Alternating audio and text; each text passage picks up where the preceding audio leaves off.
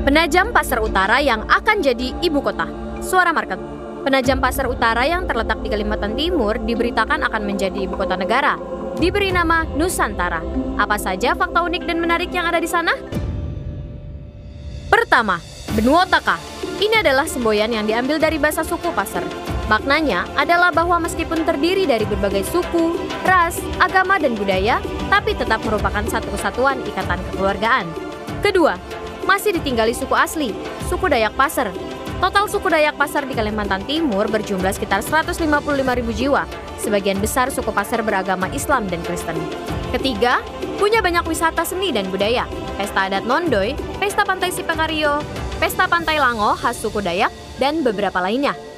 Tetap lestarikan kearifan lokal jika kelak benar-benar berubah menjadi kota metropolitan.